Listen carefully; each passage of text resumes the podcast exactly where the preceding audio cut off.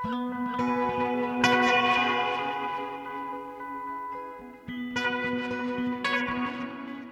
og sæl, kæru hlustendur. Halla Harðardóttir og Jóhannes Ólafsson heilsa ykkur hérðan úr hljóðstofu Víðsjár miðugudaginn 3. mæ. Í þætti dagsins svipmynd af rittöfundi.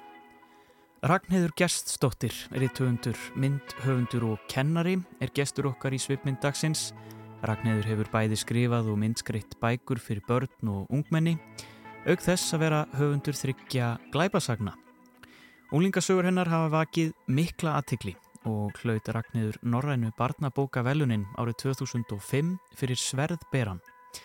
Sama bók hlaut barnabóka velun Mentarás Reykjavíkur árið 2004 en Ragnhildur fekk einnig sömu velun fyrir unlingabókina 40 vikur árið 2001 og íslensku barnabóka velunin fyrir Leik á borði árið 2000. Ragnæður fekk einnig blóðdrópan, íslensku glæpasagnaverlunin fyrir skáldsöguna Farangur árið 2022. Bókin hefur einnig verið tilnæmt til norrætna glæpasagnaverluna. Þann 1. mæ fagnaði Ragnæður sjötugsamali og gaf þann daginn út sína fyrstu bók sem að kvorki hefur barna, unglinga nýja glæpa sem forskiti. Bókin kallast Steitnin og fjallar um konu sem fær gjöf á tímamótum í lífi sínu sem hrindir af stað atbyrðarás sem umbreytir lífi hennar. Og Ragnhildur er komin hingað í hljóðstofu og hún setur fyrsta lægið á fónin.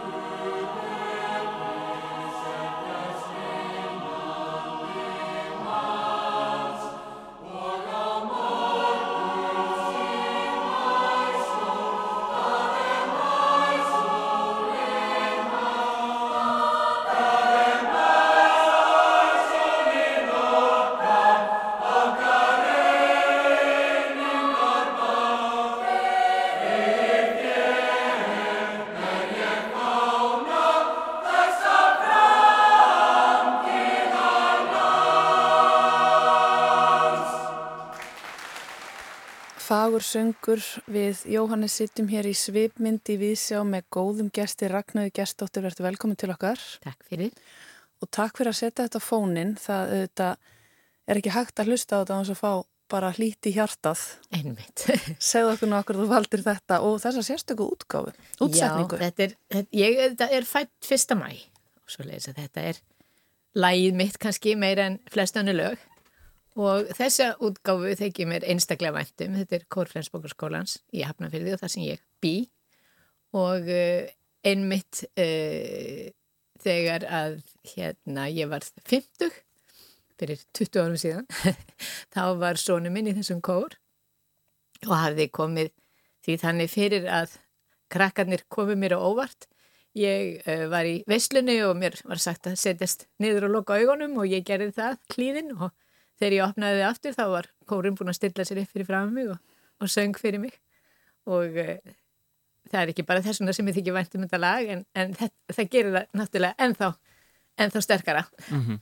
það eiga þessa fallegu minningu. Ótrúlega minning. En ég var í, í, líka í bæði söngtímum og kór hjá Jóni Áskissinni og, og þykir þetta lag einhvern veginn alveg einstaklega vel hefnað bæði textinu náttúrulega dásamlegur en, en lagið þetta einfalda lag það, það hýfur mann alltaf með sér Mm -hmm. Ekki leðilegt að eiga svona lag fyrir ammælistæðin sin Nei, það er ekki leðilegt Það er ekki leðilegt að eiga ammæli fyrsta mæ Þegar ég var lítil þá held ég alltaf að vera verið að flagga fyrir mér Allir í bænum. Mm. Einmitt, En uh, þú helst upp á 70 ára amalið núna bara í, fyrir skemmstu. Já, já. Og, og það var í Gunnarshúsi. Þá varst þú með útgáfuhóf og það var svaka veistla Var eitthvað kór þar eða? Nei, gammal vinnu settist í pianoið og fekk fólk til að syngja ammali söngin fyrir mig. Já. en annars, annars hérna uh, vorum við mest að tala en ekki syngja. En það var ákvæmlega gaman. Áður við fáum að heyra af þessari nýju bók sem að var að koma út það langar okkur að horfa aðeins tilbaka og rifja aðeins upp hennan feril sem hefur verið ansi langur viðbörðuríkur bara að byrja með ætlar alltaf að verða rítuðundur Nei, ég ætlaði ekki að vera rítöfundur. Uh, mér finnst eiginlega svolítið skrítið en þá ég sé rítöfundur. Nei, ég reyndar ólst upp á heimili þar sem allir voru að búa eitthvað til. Amma mín og nafna Ragnar Jónsdóttir, rítöfundur, bjóða efri hæðinni og, og uh, þegar hún kom niður á mótnana við borðum öll saman í hátteginu alltaf. Þá sáðu nokkuð frá hvað hún var, hefði verið að skrifa morgunin svo leiðis að rítöfundastörfa bara svona eðlilegu hluti af fjölskyldilífinu. Ég las uh, bækurnarinnar á kvolvi því að mamma velritaði eftir handritunum hennar og ég satt hinum með borðið og las, var það mjög flink að lesa á kvolvi þegar það kom út úr rítjölinu, þar sem hún hefði skrifað.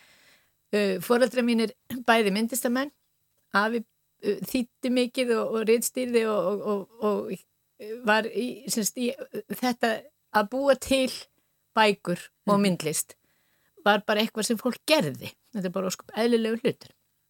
Og, en samt, þetta mér ekki að ég er því ritthundur. Ég ætlaði að vera kennari og varð, eins og allir aðrir, allir, allir e, í fjölskyldinu voru kennarar líka og kendu lengri eða skemmri tíma á sinni starfsæfi. En það er erfitt að lifa af listinni á Íslandi, hefur lengi verið og er enn. Mm -hmm. En það var sérst eðlilegu hlut að lífinu að vinna við það að skapa. Að skapa, já, já. nákvæmlega. Og bygguðu allir í sama húsi? E, já, þegar ég var alast upp þá byggum við í sama húsi. Afi og amma og pappa og mamma byggðu saman e, hús við Laugarásveg þar sem ég ólst upp. E, ég mann fyrst ofurlítið eftir mér í hafna fyrir það sem við byggum áður. En, en svona mín uppvakstar ár eru í, í Laugarásnum. Mm. Og, og þá var dásanlegt að fá og mikil fór réttindi að, að hafa fleiri kynsluðis saman að þennan hátt. Það var skrifandi ömmu og efstuhæðinni. Já, svo trýtlaði ég upp stegan til ömmu þegar ég var metin nógu gömul til að fá að læra að lesa. Ég hef búin að nauða um það lengi og þegar ég var fjörar og sagði að maður núna mætti, mætti ég koma í skóla til hennar svo ég fór upp með tóm á skólatösku og skreiði upp í til ömmu og fekk að lesa af spjöldum sem hún átti, lestra spjöldum. Því mann ennþá hvernig tilfinningin var aðeim og líktinn og það var bara dásamlegt. Mm. Mm. Og að skapa ja, eitthvað skrifa eða, eða teikna? Og... Ég teiknaði sko áður en ég, ég man ekkit eftir mér öðruvísin teiknandi. Ég fekk bara blíjant og, og blaði hendurnar um leði ekki að taldi á því. Það var bara eins og annað, eðlilegur hluta tilverinu. Uh, teiknaði mig í svefn áður en ég las mig í svefn. En uh, uh, ég skrifaði reyndar fyrstu söguna sem kom út á prenti þegar ég var tíu ára held ég. Það var einhver saga sem ég hefði skrifað um litla kissu og sendið inn í, í hérna solskinn hérna held ég, það voru solkvörf og solskinn sem að, sem að sumagjöf gaf út. Mm. Svo hún kom út á, á prenti og ég var ákvæmlega stolt. En svo dætt mér ekki í hug í rauninni að ég myndi skrifa sjálf fyrir miklu, miklu setna. En þetta var vísbending? Já, svona til þegar maður horfið tilbaka er það kannski vísbending. en er það því að þið langaði til að fara praktískari leið, akkur alltaf þú hafið ekki séð þig fyrir þér sem rítöfund með þessa fyrirmyndir? Það er mjög áhugavert sko. Ég náttúrulega, ég byrjaði snemma að myndlýsa. Ég, mm. ég fyrstu myndirnar eftir mig í bók eru frá því ég var hvað 18 ára gömur. Svo leiðis að, að svona myndþátturinn var lengst af kannski sterkari. Ég lærði, ég, ég semst varð kennari og, og, og prófaði aðeins að kenna. En svo held ég að ég yrði eh, hafmyggjusamari með að fjalla um hlutina frekar heldur en að gera það sjálf. Það var það, var það fyrsta sem ég held og lærði þessuna bæði bókmyndafræði og svo setna eh, listasögu í háskóla. En svo er náttúrulega skemmtilegast að búa til hlutina sjálfur. Þá sé gaman að horfa okkur aðrir gera og nöðsynlegt mm -hmm. En svo, jú, og tímabili ætlaði ég líka að vera hérna fatahönnur, ég hafi mjög mikið áhuga því og teknaði mikið að fötum og langaði til að læra annarkort fatahönnun eða leikmyndahönnun sérstaklega og búninga, það var ekki hægt á Íslandi þá. Mm -hmm. Og svo fórstu til Damurkur, þú lærðir listasögu og, og varst kennari. Hvernig, ef lærið kennaran, hvernig, hvernig kom þetta til? Já, ég, ég er svo gömuleg, ég var í gamla kennaraskólanum sko, ég var útskrifaði kennari, eh, ég var árinu undan í skóla og ég var 19 ára gömul útskrifaði kennari með hæf, hæf, hæfni til að kenna fólki sem var svona rétt aðeins yngri en ég, svo það var nú svona, svona, svona. Svo náttúrulega byrja ég snemma að eignast börn, við giftum okkur þegar ég var 18 ára gömul og, og hérna fyrsta barnið eignast ég eh, rétt tæmlega 21 árs og, og þau eru fjögur með laungu millibili, svona fjögur enga börn eiginlega, svo ég var yfirlt alltaf með eitt lítið mm -hmm. og, eh, og svo hérna fylgdi ég manninu mínum líka e, þegar hann fór í sérnamanni læknir og þannig að við byggum mikið líka ellendis og fluttum á milli, milli Norðurlandana heilmikið, mm. vegna hans líka starfa og svona, svo leiðis að þetta var svona Já, þetta var ekki, ekki neitt svona mjög úthugsað eða útpældur karriér af neinu tægi. Ég bara gerði það sem ég langaði til og ég hafi möguleika á hverju sinn. Mm -hmm. En mér er alltaf fundist ákvæmlega gaman að kenna þó að árin sem ég var við kennslu er það ekki mjög mörg. Setna var ég svo við rítstjórn líka í hérna námsgagna útgáfu og það var líka mjög gaman. Mm -hmm. En hérna og kennsla á alltaf stóran þátt í, í mínum huga. Ég fylgist vel með og, og, og finnst gaman að, að hérna, leggja orði belg þegar, þegar það er mögulegt í sambandi við, við um, kennslu og, og uppelsmál. Mm -hmm.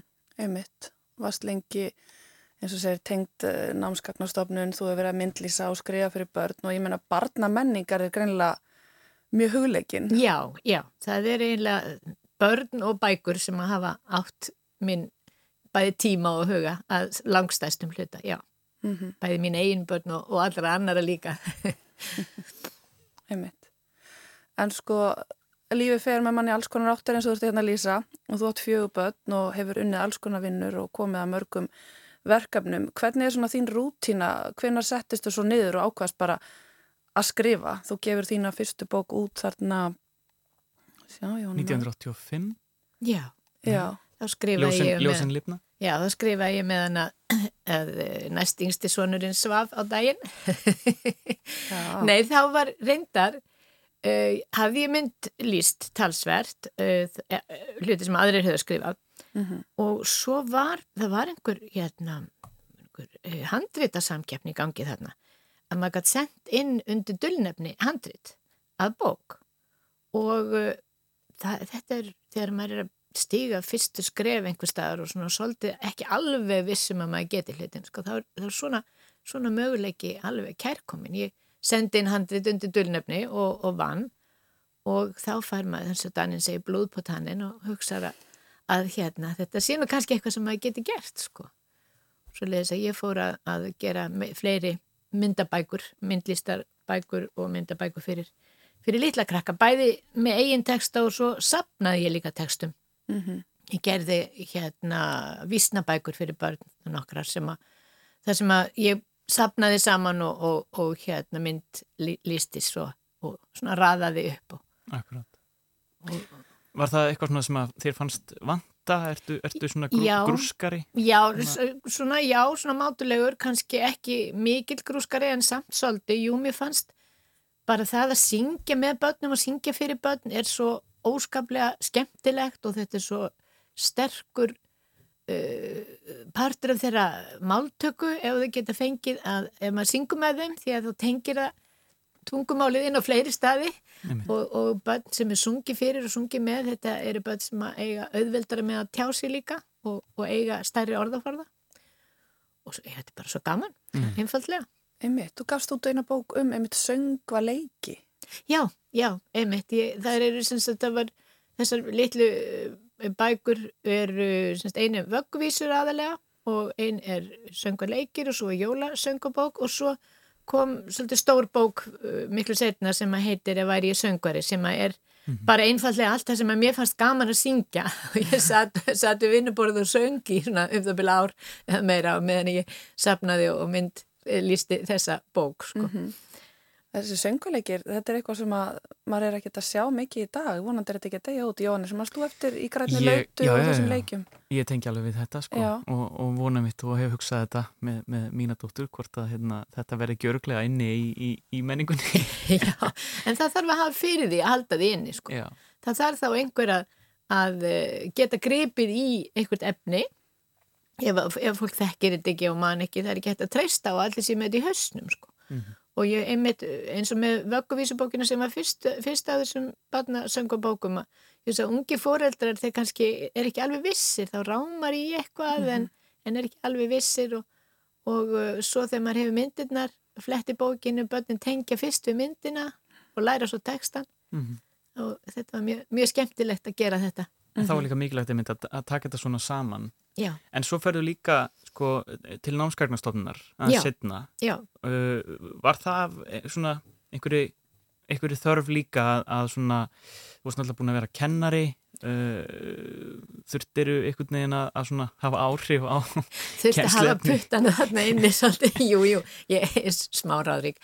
Nei, jú, ég, mér fannst þetta að vera uh, bara skemmtilegu möguleiki einmitt hérna að, að láta pinlítið til sín taka á þessum vettvangi sko. Því að ég var svona stútfull af hugmyndum og, og vissi að það var fullt af kennurum sem voru að gera skemmtilega hluti og, og, og hérna langaði til að, að hafa þarna einhver, einhver smá ítök. Mm -hmm. það var búin gaman Sko þú ert örgulega þekkt, einna þekktust allavega fyrir unglíkabækunar þínar sem að hafa bara verið mjög vinsalar og endurútgefnar og hljótið velun fyrir bæði Norrannu barnabókavelunin og, og velun hér heima, Íslensku barnabókavelunin.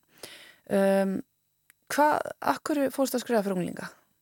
Sko ég byrjaði á fyrsta svona uh, langa textabókin, eh, bók með lengri texta var uh, leikur á borði og þar var ég aftur að bregðast við svona handrita hérna samkeppni. Þetta var það sem að e, þau velun sem að hafa verið ein, já, einna lengst til sko, Íslensku barnabókavelunin sem að e, þar sem að maður getur sendt inn handrit undir tilnefni.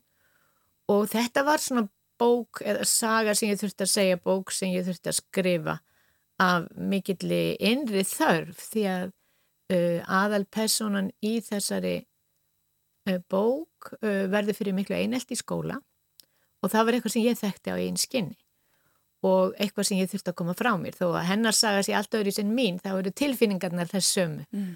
og þetta var, ég var búin að skrifa þessa bók uh, þessa sögu uh, talsvert áður heldur en ég senda hann svo inn í þessa keppni. Og uh, svona hún lápar í skúfunni hjá mér og það er einlega Kristínu Steinstóttur reyndhund að þakka að ég hérna, tók hann upp úr skúfunni því að við vorum að senda hver annari svona texta sem vorum að skrifa og hún las þetta og sagði vilti gera svo að gera eitthvað í þessu? og, og koma þessu áfram. Mm -hmm. svo ég senda hann inn og hún varð fyrir valinu. En, en þetta var uh, eins og oft er þegar fólk er að byrja að skrifa ég er náttúrulega að skrifa á þeir en ekki svona langan texta sko að, að það er ofta eitthvað, eitthvað sem knýr mann áfram einhver innrið þörf.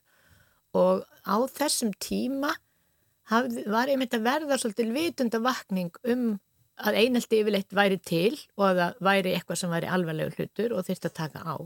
Því að það var svo sannlega ekki svo var ekki raunin þegar ég gekk í gegnum þetta sjálf sko. Það átti bara að hrista þetta af sér og þetta var ekki neitt. Mm. Var það í badnaskóla eða, eða unglingadelt? Það var í badnaskóla, mm. já. Ég var í, í uh, átt, átti mjög erfið ár uh, sem badn í, og fekk svo að skiptum skóla og fóreldri mínum að þakka sem að var nú ekkert sjálfsagt að þessum tíma. Mm og auðvitað eins og, eins og börn í þessari aðstöðu þá náttúrulega þagði ég eins lengi og ég gæt en að því að maður vill ekki fara heim með vanlíðanina mm. heima er, er greiðastæðurinn og maður er ekkert endilega að fara og segja frá og en þau komu staði og skildu hvernig mér leið og ég var sendt til skólarsálfræðings og hann spjallaði við mig eftir að við vorum orðin vinir og niðurstaðan var svo að ég ætti að fá að skiptum skóla. Og þá fór ég eins og ég nú bara stundum sagt úr helviti himnaríki því að ég kom inn í dásamlegan bekk með dásamlegan kennara og egnaðist vini sem ég ennþá á og fekk að upplifa að skóli gæti verið indislegu staður sem að var svo sannlega ekki áður. Mm -hmm. en, en það var bara einfallega ekki tekið á svona málum þá. Nei.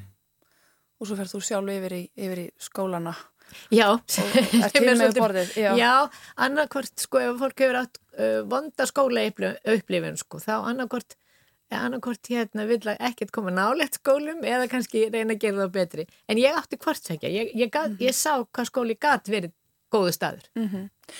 Einmitt, en þessa, þessa þína fyrstu bók leik, leik á borði uh, skrifar af þessari innri þörf. Já. en svo hefur það líka verið að skrifa um hérna ég veit ekki hvort það er að segja að setja eitthvað mál á dagsgráð finnst þér að það er að gera það í bókum sem snúa að ungmennum? Já, sko, það kom aðna tímabil það er stundum hort með svona vandlætingu eh, til tíman sem að, sem að var verið að skrifa um sko einhver svona vandamál.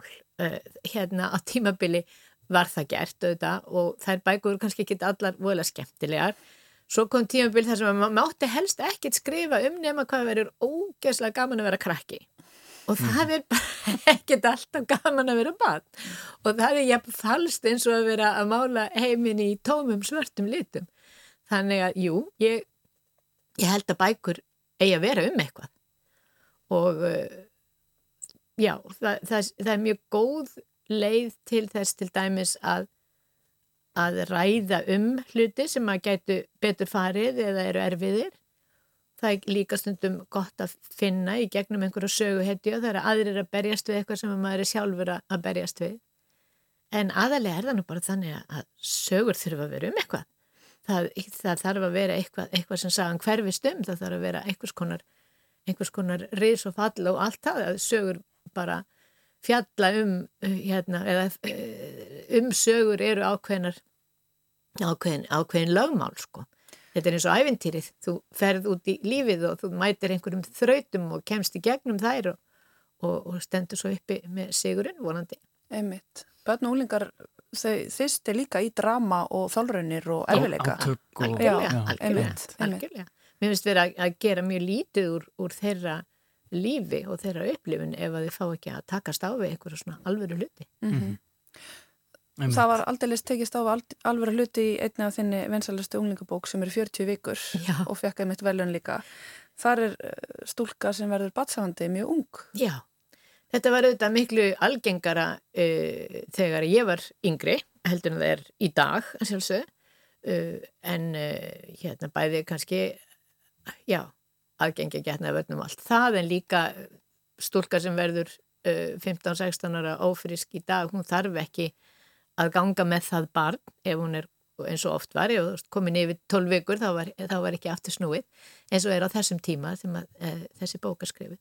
Já, ég sko, unglinga óléttur voru algengar og ég sá náttúrulega margar nálagt mér og e, mér fannst svo skrítið að enginn skrifaði um þetta í unglingabækur. Ef að stelpa mm. var ólétt í unglingabók þá var það svona á milli kabla eða einhver aukapersona eða eitthvað sko en ekki að fara alveg inn í personuna og, og ganga með, með henni. Það var eitthvað sem að, mér fannst að þurft að gera. Og endur spekla ekki ekki um neginu raunvurleikan að, að þetta væri ekki, sko, að veri ekki verið að skoða sála líf. Nei, nei og líka það að ef, þegar það var skrifaðum að einhverjir þófrísk þá var það bara einhvern veginn ætlast til þess að stúlkan væri komin í einhvern móður hlutverksgýr sko bara um leið og hún vissi að hún væri barshafandi þá væri það bara allt og að gaman. Mm. Auðvitað er það ekki þannig þegar að, að stúlka veri barshafandi sem hún ætlar alls ekki og í þessu tilfelli algjörlega óvart og, og er ekki inn einu sambandi einu sinni og, og, og með sér þó hún væri það að verða uh, ófrísk 16 ára það umbyltir gjörsanlega lífinu hjá henni eins og það gerir alltaf og hún verður ekki strax eitthvað glöð, hún verður ekki strax að prjóna sko, mm. það er ekki svolítið hún, í þessu tilfelli þá, þá er það í rauninni bara krísa það sem hún heldur að hún muni missa batni sem að verður til þess að hún finnur og hún hefur þrátt fyrir allt tilfinningar til þess. Mm. Tengist því. Hvernig var þessari bók tekið, fannst þér? Svona, uh, að því nú er talað um einmitt að setja hlut á, dag, á dagskrá eða svona, Já, hvernig var umræðan? það var kannski ekkit rosalega mikil umræða. En ég man samt eftir að, að ég heyrði að það hefði verið talað um hann á fundi eða í hérna, hún hefði tekinu dagskraf eitthvað hjá ljósmæra félaginu, félaginu. Og það þótti mér ákala vendum eitthvað, eitthvað rætt um það hvernig, hvernig ætti að taka á móti ungum maðurum með eitthvað svo les en, en ég, hún var strax sko, henni var bara strax mjög vel tekið af ungum lesendum og, uh, og er, hún er vist lesin mikið enn sem ég þykir ákvæmlega gaman að heyra að ég heyri það gerna frá frá hérna skóla þeim sem vinna á skólasöfnunum að hún sé, sé ennþá lesin upp til lagna. Ragnar, ég held að þessi komin tími fyrir næsta lag, er það ekki, Jónas? Jú, ætlum að gera smá hliði og hlusta á eitt lag uh, og halda svo áfram að, ræða þinn rítvöndaferil og, og, og margt fleira. Um, þú valdir Janis Joplin. Já, Uh, viltu segja ö- örstutt frá því, svo kannski Já ég, um valdi, ég valdi þetta lag vegna þess að uh, við ætlum meðal annars að, að koma að nýju bókinu minni sem að fjallar kannski ekki síst um frelsi svo leiðis að uh, já, þú talandi um gæsahúð þá fæ ég alltaf gæsahúð við þessu lagi í þessum flutningi.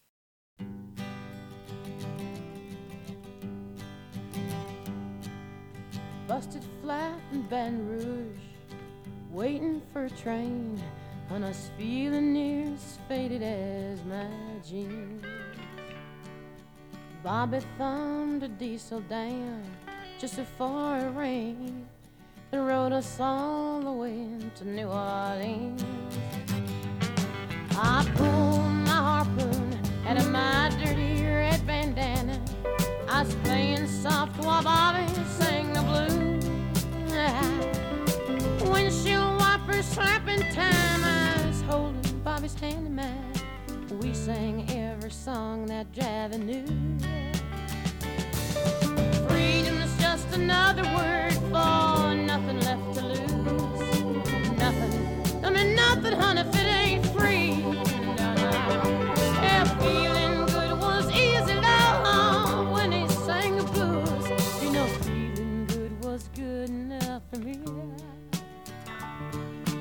Good enough for me and my Bobby,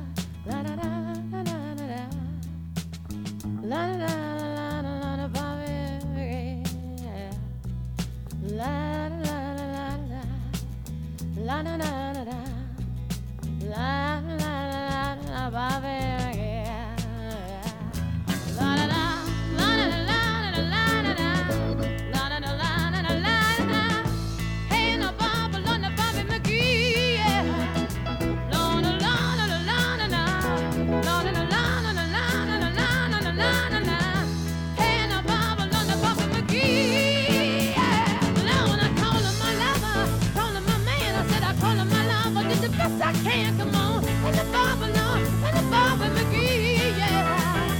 Lord, Lord, Lord, Lord, Lord, Lord, Lord, Lord, Lord.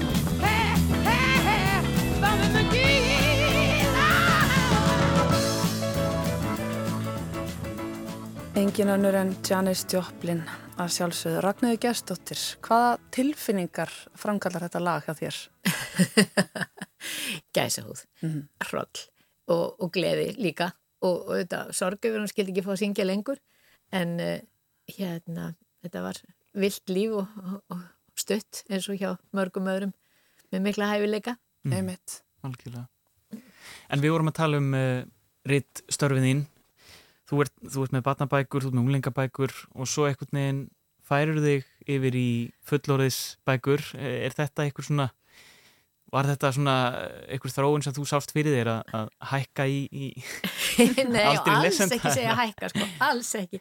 Því að barnabækur eru mikilvægari en aðrar bækur og það finnst mér enn og, og, og, og ég er alls ekki að hætta að skrifa fyrir börn. Það er miklu meira það að það er sagan sem á detturinn í hausin á manni sem ræður hvað verður næst fyrir valinu. Mhm. Og uh, ég fekk hugmyndir sem maður bara reynlega passuði ekkit í barnabækur. Uh, eiginlega reyndar uh, fyrsta glæpasagan mín úr myrkrinu hún er auðvitað uh, saga sem unglingar og, og, og barn, börn og unglingar segja. Þannig að hún er náttúrulega kannski svona einhvers konar svona, svona stökkpallur yfir í kannski uh, það sem er alveg fyrir eldri og þó. Uh, ég hafði fyrst eiginlega hugsað þessar sögur sem, sem svona uh, unglingabók eða young adult eh, er sagt á ennsku en við okkar, okkar krakkar byrja ofta að lesa það sem gefur út sem unglingabækur mjög ung, svona Mm. kannski 11-12 ára krakkar er að lesa unglingabækur Mm. og, og þetta er ekki kannski efni sem að er, ég vildi endilega láta í hendurnar á þeim aldursflokki þannig ég ákvaði að þetta væri þó að, að sagan væri sögð af ungu fólki eða ungum stúlkum þá væri hún fyrir eldri eða fyrir almennan lesendahóp. Mhm. Eflaust lesana margir uh, snemma líka en það er þá oft krakkar sem hafa lesið mikið og kannski þóla þessuna svolítið meira en, en þetta er ekki, ekki svona, já þetta var ekki barnabóka efni. Nei, en þetta voru kannski ekkit mikil viðbreyði þannig séð, sko, að þú ert með, með þessa tengingu en efnistökin voru svona Já, ég Aðeins gat leift mér hann, sko, ég er stend á því alveg fastar en fótunum að, að það er hægt að fjalla um hvaða efni sem er í barnabók og horfiði bara á ævintýrin, það er nú ekki lítið sem gengur þar ámannátt og, og, og blóðsúthellingar af öllu tægi, en það er ekki sama hvernig það er gert.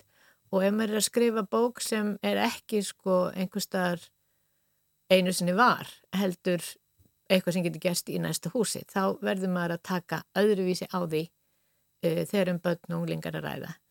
Uh, heldur en ef það er fantasía. Í fantasíunni getum að ég skrifa fantasíu líka og það er óskaplega skemmtilegt. Og þar er maður að búa til heilan heim og hann getur verið hvernig sem maður vil hafa hann en uh, ef það er eitthvað sem að gæti komið fyrir vinkonu þína sko, þá, þá verður aðeins að passa þig. Mm, og, og þessi vildi verða sem sagt, vildi, vildi hoppa út til almenna, almennari lesendahóps. Þó ég voni reyndar að fullarði fólk lesi unglingabækur og barnabækur líka því að það er, ég held að það sé mjög nöðsilegt Mm. -hmm.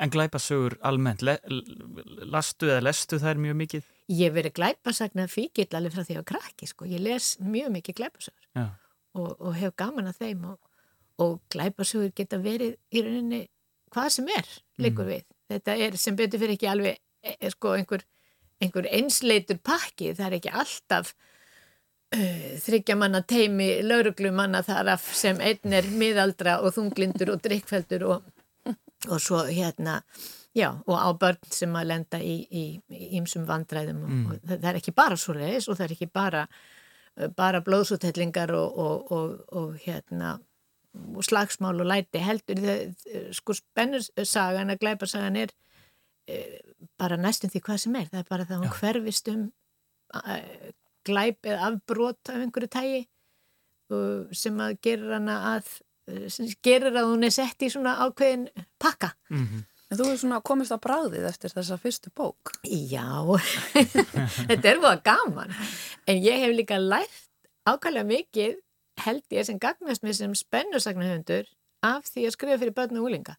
Því þau eru kröfuhörðustu lesendurnir Mhm. og ef að þeim finnst ekki gaman að lesa bókina, þá henda nú út í hotn og er ekkert að klára hann endilega eða hugsa, jú, þá hún fekk nú ansi góða dóma þessi, ég verði eiginlega að komast í gegnum hana, kannski er bara eitthvað að mér en ekki bókinni svo leys hugsa fullar fólk en ekki Mm. bönn ekki bönn, þau, maður þarf að grípa þau og halda þeim og það er, á, það er svona góð tækni að hafa í farteskinu þegar maður er að skrifa spennusögur Já.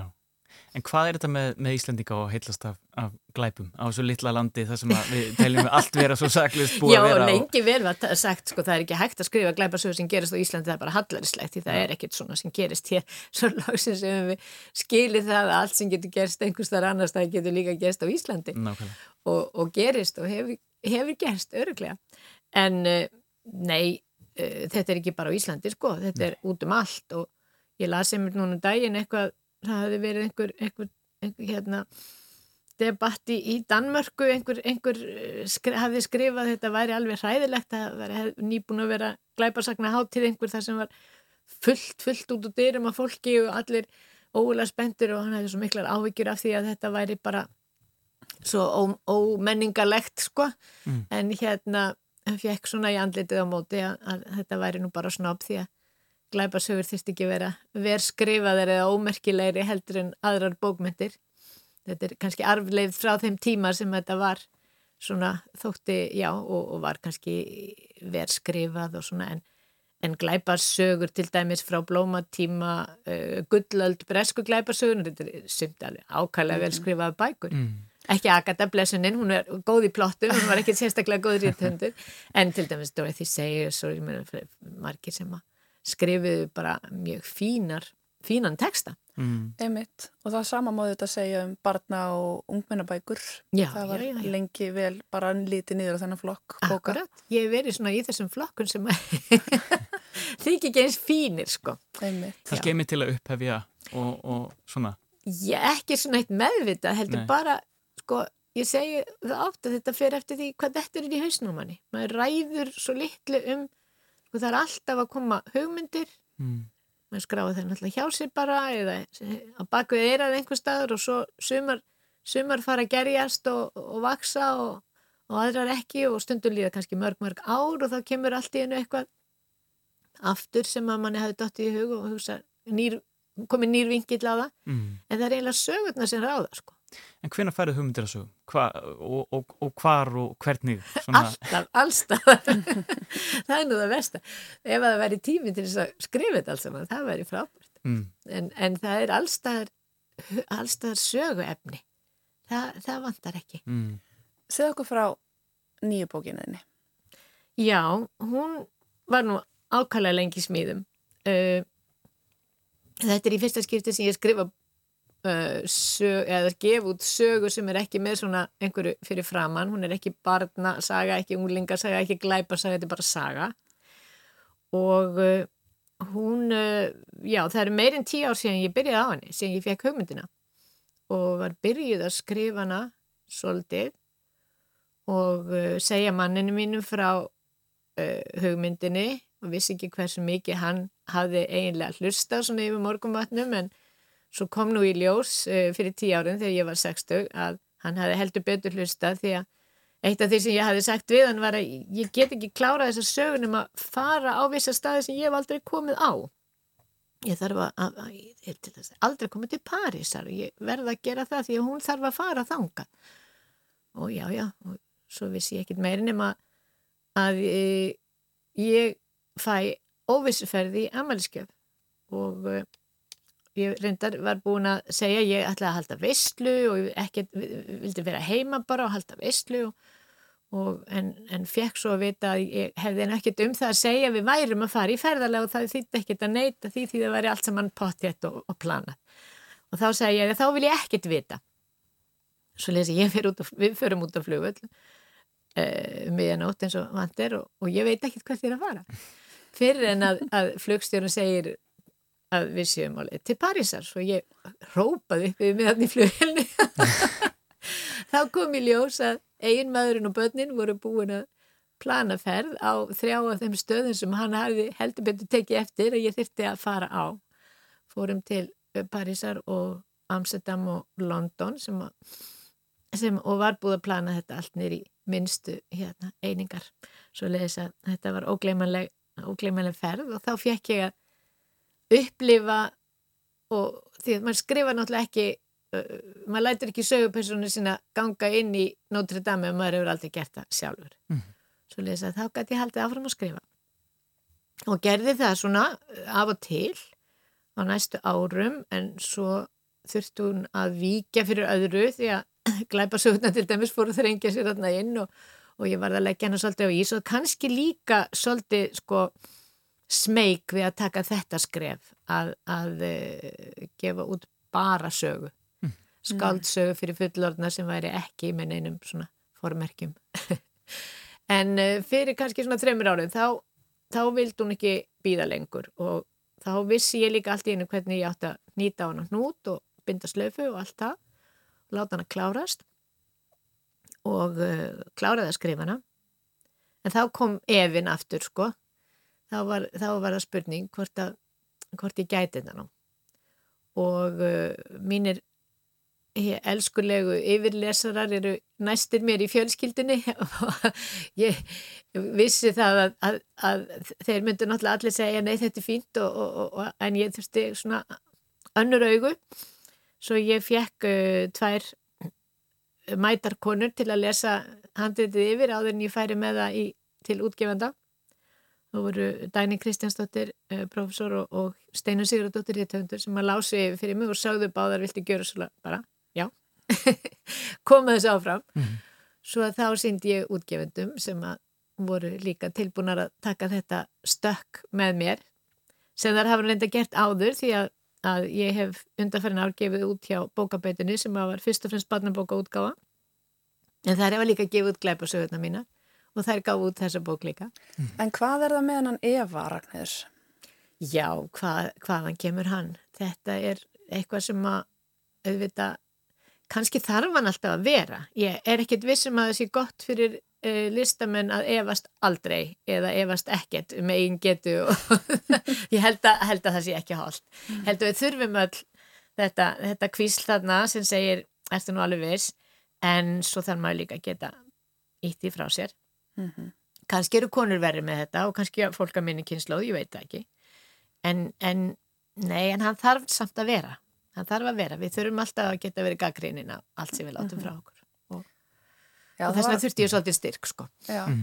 það var hjálplegt þannig upphafi að skrifa undir dulnefni. Það var ne nefnilega, nefnilega. Já, En þú ert búin að vera að skrifa núna uh, mjög reglulega, marga bækur komnar með, með hérna, mjög Já. þú ert búin að nýta þennan tíma mjög vel, þarna kom líka COVID, var svona, þú veist, sá tími sem við viljum gleyma en, en þú hefur nýtt þetta bara í, í skrif. Já, ég reyndar er, ég fyrir ekki að fljóta að skrifa því ég loksins kemst til að skrifa. En ég, eins og ég segja ofti að krakkar er að spurja því ég fyrir kannski í, í, í skóla eitthvað, hvað er maður lengi að skrifa bók og, og maður er alltaf að skrifa. Ég er að skrifa með, ég er að gera alltaf hluti, kannski mála hjá mig vegg eða vinna í gardinum eða eins og var hérna áður fyrir með að ma- maður var að skuttlast með krakkana eða hvað maður var nú að gera. Það var alltaf eitthvað í gangi sko. Stundum gleym ég hvert ég er að fara ef ég er að keira vegna þess að ég er með einhverja að búa til eitthvað samtali í hugunum og svo ég allt í hennu komið eitthvað allt annað að ég ætla að fara. en uh, svo þegar ég sest nú niður og gef mér tíma þá, þá streymir þetta nú daldi, daldi létt fram. Svo þetta hefur gengið vel Mm. ja, að koma þessu út núna síðustu árin.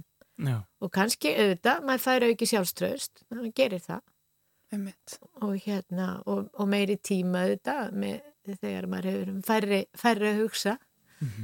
Þú talar um það áðan að uh, frelsið kemur við sögu í þessari bóku. Viltu segja okkur kannski örstuðt hérna í lokin frá því, svona umkvæðum fjallar þessi bók, steinnin? Já, uh, hún fjallar um konu, þetta er saga konu sem að, uh, er verður í upphafi bókar uh, sjötu og það er þess vegna sem hún komi út einmitt núna fyrsta mæ á sjötu samælinu mínu. Við vorum eitthvað að gandast með það í, í haust, uh, ég og útgefundur mínir að ég vorum að reyna að ákveða útgáðu dag því hún lág tilbúin sko. Og ég segi já, það var nú kannski bara gaman að hún ég verð nú sjötu sjálf í vor og þá fannst þeim það alveg upplægt að hún kæmi bara á þeim degi sem hún á gerði. En uh, bókin sem sagt sagan hefst á sjötugsammali uh, steinunar sumarlega dóttur sem er sá do- dagur er reyndar ekki núna en hann var 2014 um, og í mæ og hún er upp, fætt og uppalinn í litlu pláss út á landi sem er nú aldrei nafngreint og hérna, fólk getur bara skemmt sér við að reyna að finna út hvort að það á sér fyrirmyndið ekki eða hvort það er samsett úr öllu mögulegu.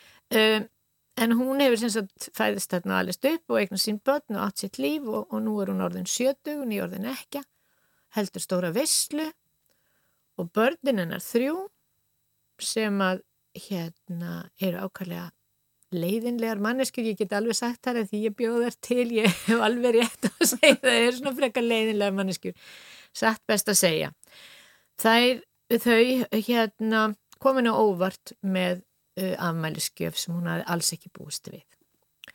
Sem ég vil nú eiginlega ekki segja hvað er. En þessi afmæliskjöf verður til þess að hrinda á stað atbyrðarás því að steinun leggur á stað út úr sínu gamla lífi strax uh, næstu nótt og fer út í frelsið. Og það er frelsið sem tengist eiginlega því frelsið sem hún hefur upplifað í gegnum æfina með því að lesa. Því hún hefur átt sér atkvarf í bókum og fundið þar líf sem var kannski litsterkara og spenn, meira spennandi og skemmtilegra heldur en það líf sem hún, sem hún lifiði í, í raunveruleikanum. Og ég notaði sem fremsti í bókinni stendur er tilvitnun eftir Óskar Væld Oscar Wilde. To live is the rarest thing in the world. Most people exist, that's all.